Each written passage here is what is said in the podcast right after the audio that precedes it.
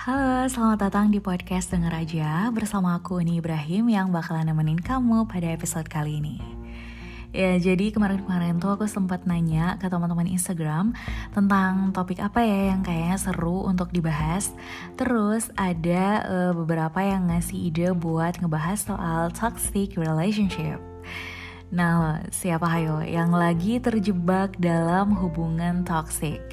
Atau mungkin belum nyadar kalau sebenarnya hubungan yang sedang dijalani saat ini termasuk dalam kategori toxic relationship? Atau bahkan belum paham apa sih sebenarnya toxic relationship itu? Nah, semuanya bakalan aku bahas di sini, so selamat mendengarkan. Kita mulai dari pengertiannya dulu ya. Uh, pengertian tentang toxic relationship sebenarnya sangatlah luas ya. Tapi dapat disimpulkan bahwa toxic relationship adalah istilah untuk menggambarkan suatu hubungan yang tidak sehat atau sangat merugikan salah satu atau kedua belah pihak dan dapat berdampak buruk bagi mental atau bahkan fisik seseorang. Wow, cukup serem juga ya. Nih, hati-hati buat yang punya pasangan, dicek lagi nih pacar gue ini berpotensi nggak ya untuk memicu ke dalam hubungan yang toksik atau bahkan gue nya gitu. Dan buat yang gak punya pasangan, udah dengerin aja. Kali aja ada manfaatnya buat nanti-nanti, kan? Next, kita masuk ke ciri-ciri toxic relationship. Ini sebenarnya ada banyak banget ciri-cirinya, tapi aku rangkum bikin jadi lima ciri-ciri aja. Untuk yang pertama adalah tidak saling mendukung apa-apa nggak disupport, ini nggak boleh, itu nggak boleh. Padahal hubungan yang sehat seharusnya saling support untuk mencapai keberhasilan dalam semua bidang. Tentunya yang positif ya. Terus ciri yang kedua adalah mengabaikan kebutuhan diri sendiri. Contohnya kayak gimana?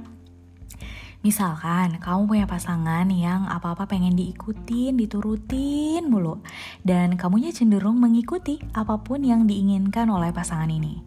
Bahkan kamu kayak gak peduli gitu, walaupun hal itu bertentangan dengan keinginan atau kenyamanan kamu sendiri jadi kayak kamu tuh nurut banget gitu loh so sad ayo jangan kayak gini ya guys bucin boleh bodoh jangan ya Kemudian ciri yang ketiga adalah memiliki kendali penuh. Dua apa lagi nih? Ya, dalam hubungan yang gak sehat, sering kali ada upaya untuk mengontrol satu sama lain.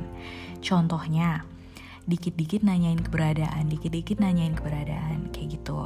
Terus merasa kesel kalau chatnya nggak cepet dibales. Nah lo kata gue standby sama handphone dalam 24 jam, kadang enggak.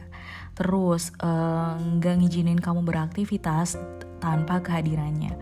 Oh baik, duh ini tuh jadi kayak ngambil kendali penuh ya. Dan perlu diingat, ini tuh kayak merebut kebebasan seseorang atas apa yang ia ucapkan ataupun ia lakukan. Jadi benar-benar serem loh guys.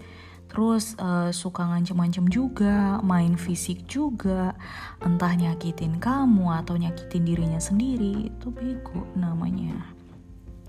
Kemudian ciri yang keempat, mempunyai pengelolaan keuangan yang buruk. Nih, ini cukup banyak kejadian yang kayak lo belum jadi pasangan yang sah, tapi udah berani-berani sok ngatur urusan finansial pasangan lo. Pakai duit pasangan gak nanggung-nanggung, halo, harga diri. Ya walaupun si pasangan ini ya iya aja, tapi tahu diri itu hukumnya wajib lo ya. Oke? Okay? Dan ciri yang terakhir adalah membuat kamu jauh dari keluarga atau teman-teman. Disadari atau enggak, hubungan toksik dapat membuat kamu berhenti menghabiskan waktu dengan teman-teman ataupun keluarga. Kamu tuh jadi kayak punya jarak sama kerabat-kerabat kamu sendiri loh. Please hati-hati, kamu harus ingat bahwa kerabat itu penting loh. Mereka adalah orang-orang yang selalu ada buat kamu dalam keadaan apa pun memang ada beberapa hal yang mungkin gak kita dapetin dari teman-teman atau keluarga, tapi ada di pasangan kita. Tapi harus dilihat lagi pasangan seperti apa yang sedang kamu pertahankan saat ini. Kenali lagi lewat ciri-ciri yang sudah dibahas tadi ya. Dan kalau hubungan kamu saat ini berpotensi mengarah ke toxic relationship, cepet-cepet dibenerin. Omongin semuanya baik-baik, benerin lagi semuanya. Tapi kalau udah gak bisa diapa-apain dan emang habitnya udah kayak gitu, keputusan ada di tangan kamu. Mau cari yang sehat dan bikin ketawa tiap hari, atau mau kena toxic sampai mati. In the end, you are the one who has the right to decide for your own life. Okay? Aku rasa sampai sini aja dulu untuk episode kali ini. Kita sama-sama berdoa, semoga nggak akan pernah terjebak dalam hubungan yang toksik ya. Langgeng-langgeng sama pasangannya, yang masih ngejomblo semoga disegerakan. Oke, amin. Dan buat yang punya kritik ataupun saran ataupun ide untuk topik selanjutnya, DM ke Instagram Uni Ibrahim ya.